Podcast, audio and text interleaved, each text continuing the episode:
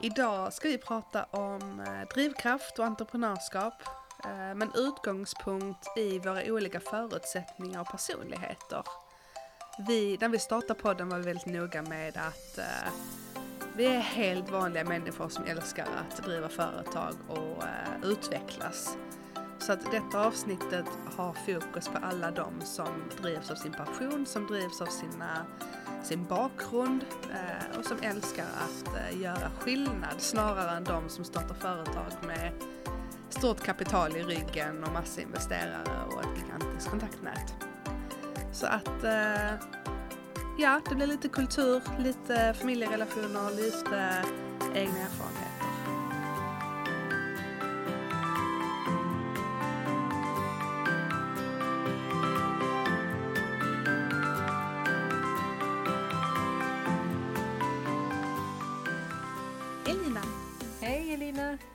Hur är läget?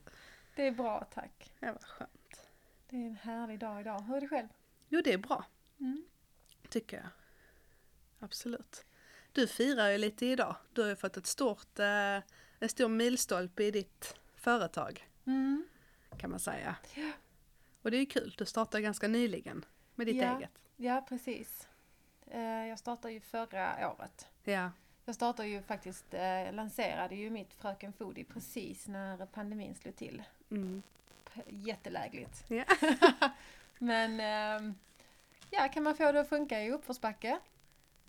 Och, Ska bara se hur, hur, eller heter det, hur kul det blir i nedförsbacken ja också. men exakt, precis så.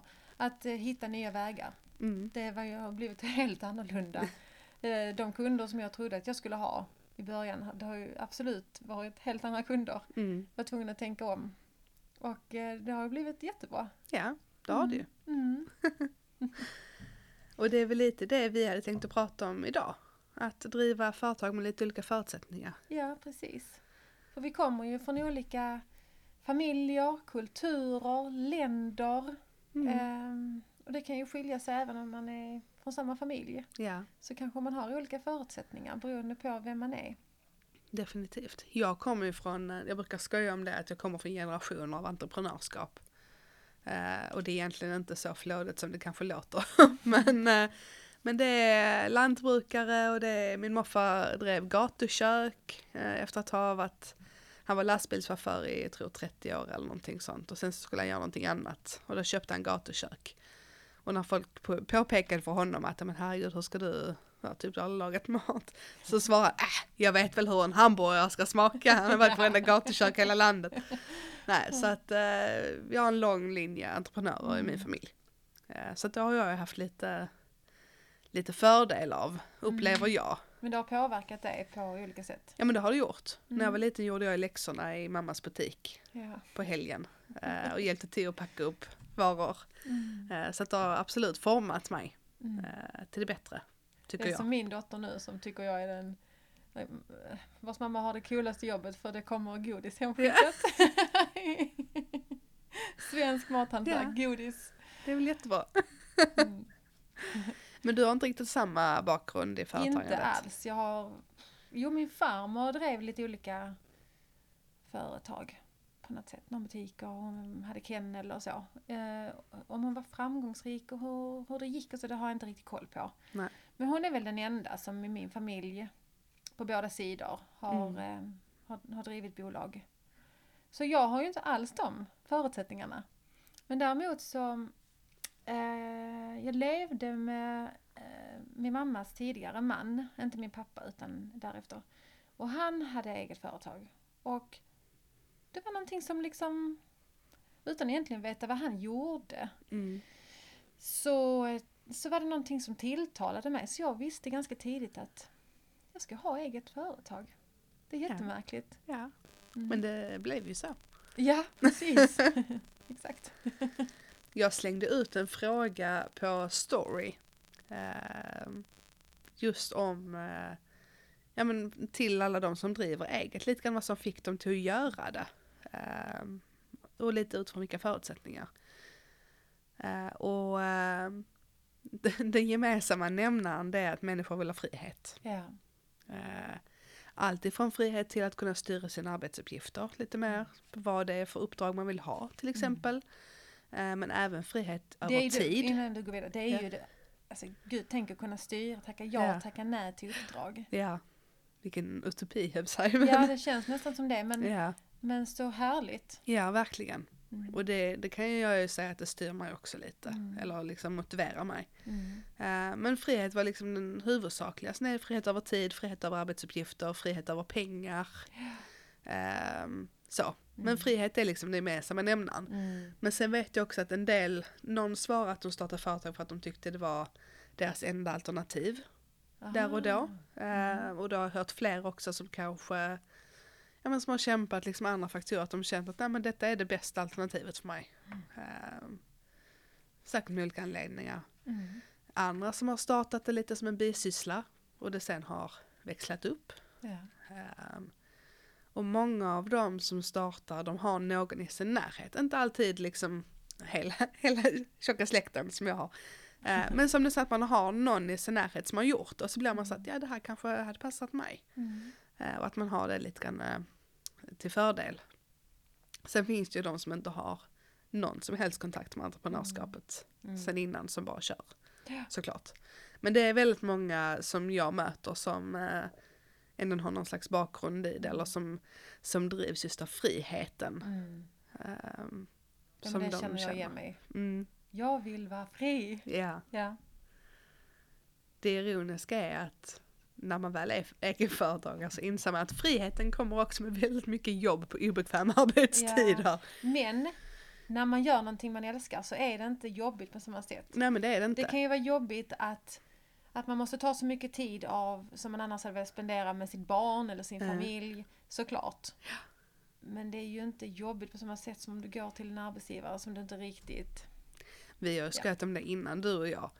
Därför att du är ju betydligt mer morgonmänniska än vad jag är. Yes.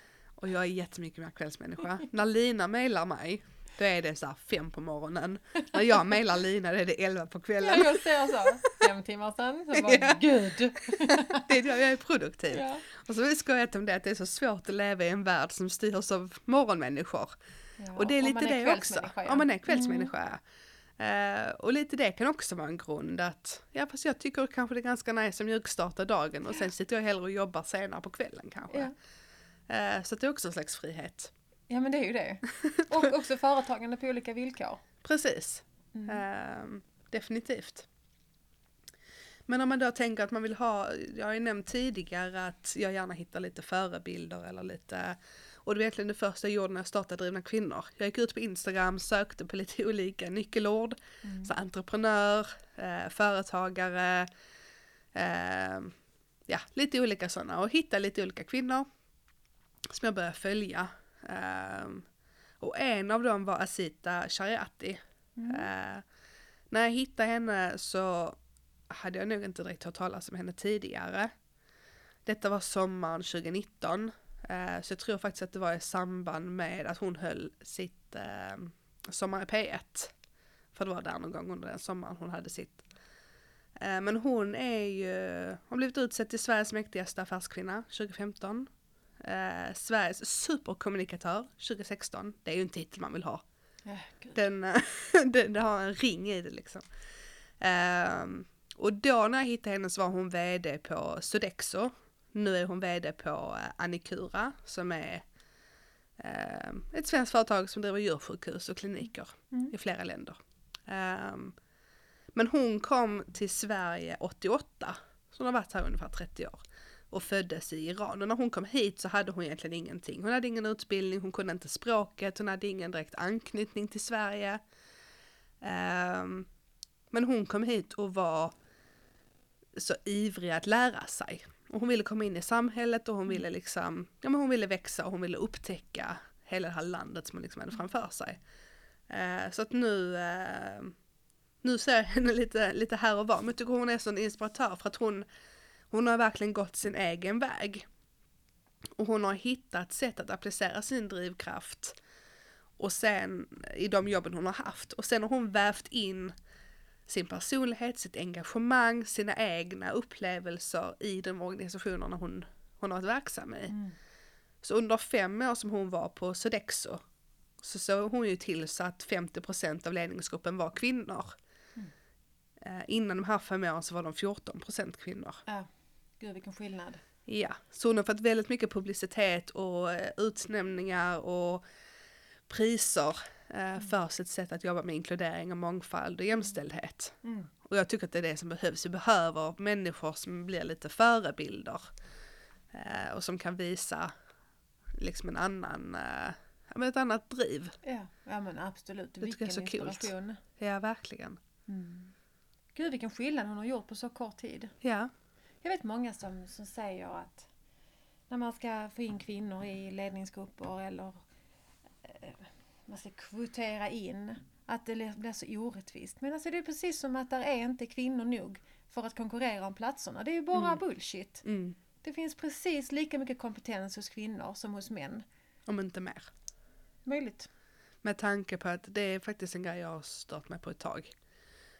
Att eh, det är betydligt fler män Mm. på ledande positioner. Det kan vi liksom inte snacka bort. Det är ganska välkommunicerat. Mm. Men det är betydligt fler kvinnor som pluggar vidare och som har högre utbildning. Mm. Vart tar de kvinnorna vägen? Ja, Om vägen? inte på ledande positioner. Ja. Men vi märker ju, det märker jag också nu när jag kontaktar företag.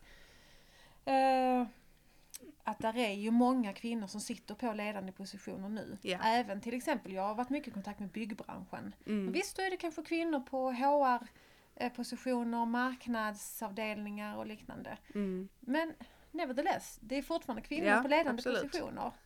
Eh, och som förändras det i sin takt. Men jag förstår inte riktigt det här resonemanget, för att återknyta till det jag sa innan, att, att människor, jag har hört det tusen gånger, att människor reagerar på att man nästan måste kvotera in kvinnor för att, och, Mm. och man måste, eh, man får inte kompetensen hög nog. Mm.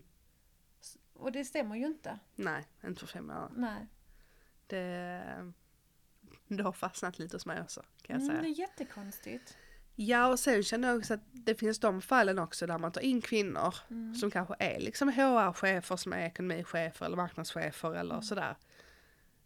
Men även där är det precis som att man glömmer bort det här steget att det, det är inte bara att de ska ha en stol. Nej. De ska ju fylla ett syfte eller Ja, liksom absolut. få utrymme att göra skillnad också. Mm. Eh, jag tror det är också kvotering hjälper liksom inte om man eh, om man inte utnyttjar blandningen på kompetens. Nej. Och jag vet också, jag har ju lyssnat på eh, en podd som heter Off Topic.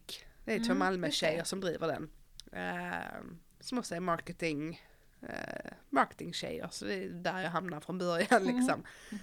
Men båda de har utländsk bakgrund. Eh, Afrodite är nere från Irak, Iran, där någonstans Mm. tror jag.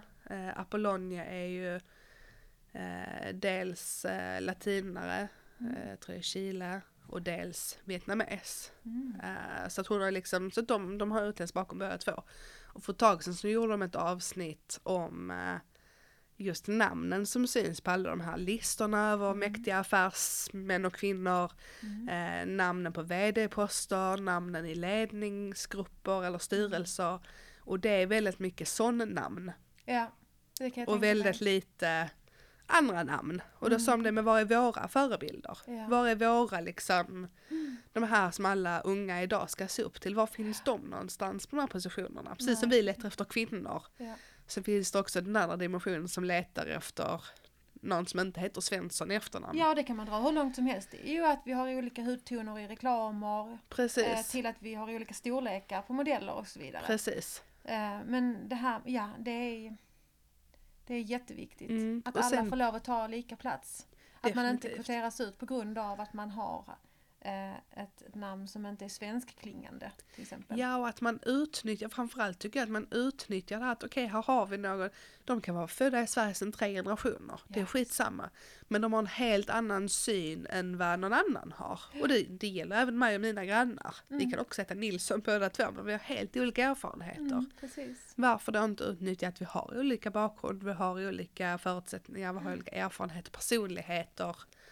Ehm, Så när vi söker liksom jobb så ska det vara det. eh, fritt ifrån ehm, Det ska vara namnfritt. Ja, egentligen. Det ska vara bara kompetens... eh, Ja.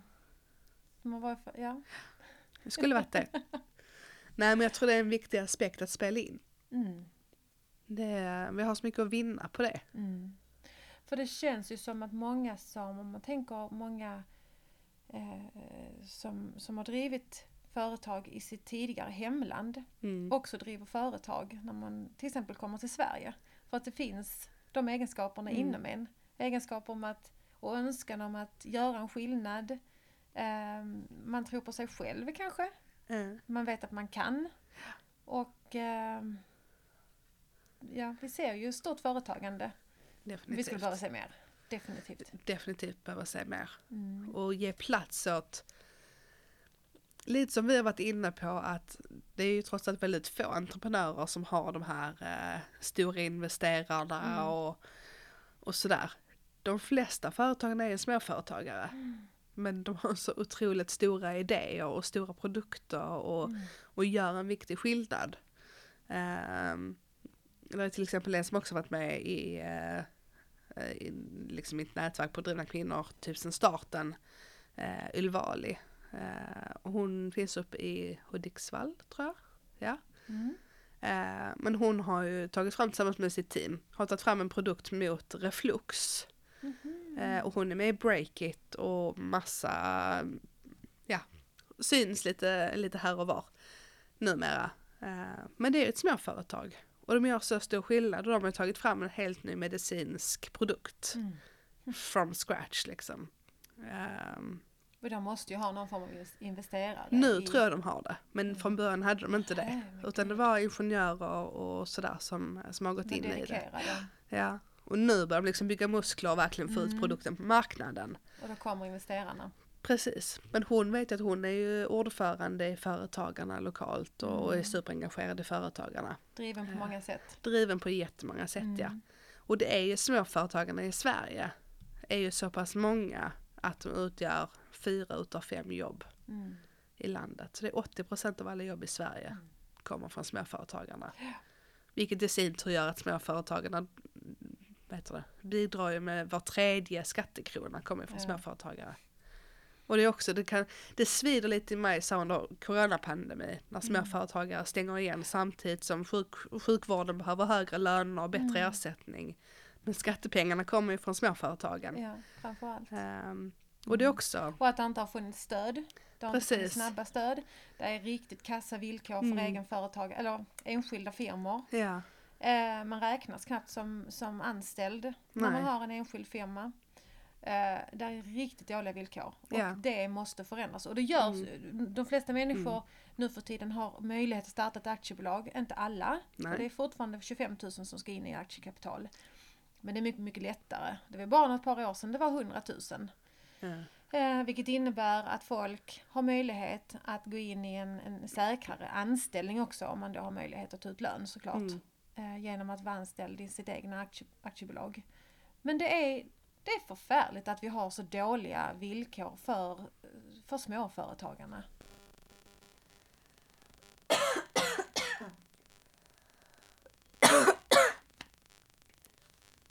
Vi skulle verkligen behöva få ett större säkerhetsnät för de som kämpar varje dag med att dra in skattepengarna. definitivt. Både säkerhet rent politiskt och ekonomiskt. Mm. Men också att man ger dem lite grann cred. Mm. Mm. Alltså det är så många som startar företag bara precis på passion och drivkraft. Mm. Lite som du. Skulle du liksom överanalysera alltihopa, då hade du kanske väntat till efter pandemin. Men du har sånt brinnande intresse för både entreprenörskapet och Skåns mathantverk. Så att du kör ju. Mm. Och nu har det gått väldigt, väldigt bra. Ja. så här ett år in, ett och ett halvt. Men det blir ändå det här att det finns så många eldsjälar inom massa olika områden. Eh, som alla värnar om olika saker. Andra värnar om säkerhetsfrågor eller inkludering eller har hittat en lösning på, på liksom ett vardagligt problem. Men återigen lyfter man de här förebilderna. Eh, så tror jag också att det är fler som vågar. Att det är fler som vågar tänka att ja, jag har kanske inte, jag kan kanske inte så mycket om företagandet. Jag har kanske inte en hel familj att luta mig mot. Ehm, men det går bra ändå. ja, precis. Jag pratade med en också innan idag som svarar på den här story Mm. eh, dekalen. Och hon sa att hon hade haft sån dålig chef som riktigt svek och liksom tryckte, nej, ingen bra chef alls. Så jobbigt. Ja, och ändå tog det henne 15 år innan hon vågade starta eget. Ja. Hon tänkte så länge på att starta men hon vågade inte. Vad var det så, vet du vad som var Jag vad vet som faktiskt inte. Nej. Nej, jag vet faktiskt inte vad det är som, eh, jag frågade henne men jag har inte fått något svar än. Nej okej. Men ehm, Men det, det där är väldigt intressant för att jag, där finns en sak som jag tycker är väldigt, väldigt spännande. Och det är när man eh, ger mikrolån till kvinnor i, eh, i stor som lever i stor fattigdom. Ehm, ett mikrolån som gör att de kan eh, starta ett, företag. Och kanske jobba med hantverk och sälja eller det kan vara jordbruk. Flertalet av de här kvinnorna nästan uteslutande alla, betalar tillbaka lånet inom en, inom en rimlig tid. Ehm, men det som händer med familjen det är att när kvinnan blir försörjningsansvarig, när hon är den som drar in pengar, så mår hela familjen bra. Det är inte bara mannen. Det är väldigt, nu så kanske jag sticker ut hakan, men det här är någonting jag har läst ganska mycket om. Jag har inte varit på plats själv så jag backar lite från. Men, men, men kvinnan tar hela ansvaret. För familjen, för barnet. Det inkluderar ofta större byar och ett, em, ett större tänk än när bara mannen är försörjningsansvarig. mm. Och det här är så sjukt intressant. För det här är ofta kvinnor som kanske inte har gått i skolan ens. Utan eh, man, eh, man har helt andra förutsättningar än kanske Mm. vi i västvärlden. definitivt. Men ändå lyckas. Mm. Eller lyckas tack vare. Eller precis, lyckas tack vare för att de har de Mm. egenskaper de har. Mm. Mm. Det är också rätt intressant. Jag hörde en eh, bara häromdagen som egentligen är halvnära bekant. Mm. Eh, som kom till Sverige 2007 tror jag. Mm. Driver lite verksamhet, eh, mindre stad. Eh, och hade ju ingenting, alltså kommer man hit, jag vet inte hur gammal han var när han kom hit men då har man ingen sån här grundläggande syn i hur Sveriges skattesystem funkar och inget liksom, men han startade eget inom sitt område för att han är bra på det han gör. Mm. Och sånt att in en revisor till att sköta allt det där till honom. Eh, och nu var det väl en dust som hade kommit upp. Men han sa ju det att det är jättesvårt att starta någonting i ett land där du inte riktigt har koll på dels är det alla lagar och regler, det kan man ju läsa sig till. Men sen är det också såna här grejer som att är det en småstad Känner inte folk din farmor, då vet de inte riktigt vem du är och då vet de inte om de kan lita på dig. Nej, Alltså lite okej. den här Mm. eh, kommer också. Så att driva företag utifrån olika förutsättningar. Det är också lite beroende på vilken bransch du är inne i eller vilket område du liksom verkar i. Mm. Har du jättemycket vänner i området så kanske de kommer och handlar. Men ska du växa utifrån liksom bara dina bekanta, Mm. då krävs ytterligare där. Ehm, och det är också sånt som man inte riktigt hittar förrän man är i det. Hur långt man klarar sig på, på det man kan. Vi har pratat innan lite om svenskar som startar företag utomlands. Mm. Eh, Och det är också andra förutsättningar. Man har hela tiden olika bagage och olika erfarenheter och personligheter som gör liksom att man vågar, att man driver, att man den här personen startar ändå företag trots att han inte kunde alltihopa. Mm.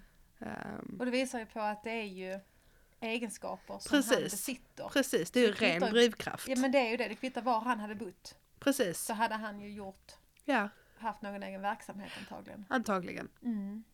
Jag tycker det är otroligt spännande och många startar för att de vill göra skillnad. Mm. Eller för att de vill ha frihet att kunna göra det de älskar att göra. Ja. Men du, apropå skillnad, hur kul är det inte att eh, Pernilla Nyrensten har gått till börsen med sitt Det är bolag? så häftigt. Revolution Race. Så häftigt. Jag väntar på den dagen när hon bara är en i mängden. Ja, Jag exakt. vill ju att hon liksom ska, ja ja, hon var först ut och så kommer det liksom. Men äh, det är så kul. Ja. Men du, vem är hennes man egentligen? Hon har ju startat det med honom, men vem är han? Jag vet inte men jag är faktiskt ganska glad att han inte hörs och syns speciellt mycket. Mm. Jag tycker det är lite kul. Ja, absolut. Jag tycker det är lite, jag skrattar lite åt det. Mm. Kanske också eftersom jag jobbade med min mamma tidigare. Eh, och då kunde folk, när jag liksom rör mig i branschen också, jag var med på lite resor. Så kunde våra branschkollegor som bara är män, de kunde komma fram och säga du alltså, din pappa, hur är han egentligen som person? För att de, de ser bara min mamma liksom, är han också i företaget eller vad gör han eller vad? Mm. Sådär.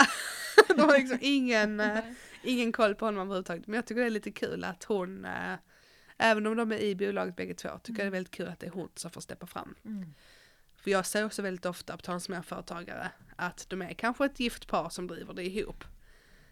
Och ändå är det ofta han som syns och hörs. Mm. Så jag tycker faktiskt det är ganska kul att hon äh, får den credden liksom. Ja, ja, definitivt. Och hon har ju verkligen jobbat hårt för det. Ja, de har ju jobbat ganska många år. Ja, det har de gjort. Eh, Och det har ju sannoliken lönat sig. Ja. Det är, det är jäkligt fett att se Mm. en kvinna som, som, som leder ett sånt stort bolag. Eller har lett Verkligen. det till att bli den storleken. Och att hon sitter kvar. Och att hon sitter kvar. Hon har Ja. garanterat. eh, Verkar ganska ödmjuk också. ja men det tycker jag. Mm. Jag tror att hon har tackat nej till många erbjudanden också. Mm. Säkert från folk som vill träda in och som vill ta över och som vill Säkerligen. förvalta liksom. Jag, eh, jag tycker hon är en förebild. Så jag ser fram emot att se vilka, vilka som tar efter hennes exempel. Ja. Nu, nu, jag tror det här bara är början. Det kommer att bara rulla det på framöver. Det är ju en ganska stor hype ju- just nu Ja. över att börsnotera bolag. Och det är bara en fråga innan det kommer att ehm, bli en vardag helt enkelt. Ja. Som du säger. Med Definitivt. kvinnor vid rodret. Det tror jag definitivt. Ja du. Det här visar ju bara på att det kvittar nog egentligen varifrån man kommer. Så har man Mm. egenskaperna inom sig så ehm, Kommer man långt på det? Ja, precis. Och så tror jag att man, man tar sig vidare till att eh, styra sin egen skuta. Ja, jag tror också det. Mm. Och jag tror inte man ska underskatta liksom drivkraften och passionen. Det är många som sitter och väntar på rätt tillfälle eller rätt tecken eller rätt Mm. möjlighet. Mm. Men jag tror faktiskt att det kommer när man satsar. Ja, annars så kommer du bara sitta och vänta hela Mm. livet. Ja men det som du nämnde lite tidigare också med ditt. Att har du liksom helt andra kunder än de du trodde att du skulle ha. Ja. Men det blir ju bra ändå. Och du, du har ju inte ruckat på liksom din, eh, din passion. Nej, precis. Du har hittat en annan väg som du inte visste fanns. Nej. Och Visst är det härligt hur du Ja, bara det kan ta en helt annan härligt. väg. Ja. Men jag tror det är många som behöver höra det också, att det finns inget rätt tillfälle. Det Nej. finns inte liksom, ibland behöver man bara köra på och så löser sig längs vägen. Ja men precis, och jag kan ju känna nu hur smart det är. det. Jag har en, ett ganska litet barn. Mm. Men det var nu som denna affärsidén kom till mig. Det var nu som jag kände Mm. mig stark nog att genomföra den. Och det är nu som jag kör på för att Ja. nu är jag helt övertygad. Om jag hade väntat i fem år till, tills min tjej är i skolåldern och lite där till. Det har varit något annat som styr vägen. Ja men precis. Det har varit för att hon har fritidsaktiviteter eller hon har, Exakt. ja, något annat som Mm. hade stått i vägen. Så får man bara göra det bästa utav det. Mm. Eh, Men jag tror det är viktigt att, att köra på. Ja, definitivt. Och ibland bara, bara köra. Bara köra. tänka. Men det tar vi väl och avrunda. Ja det gör vi. Ha nu en härlig dag. Ja men detsamma. Tack. Ha det fint. Hej.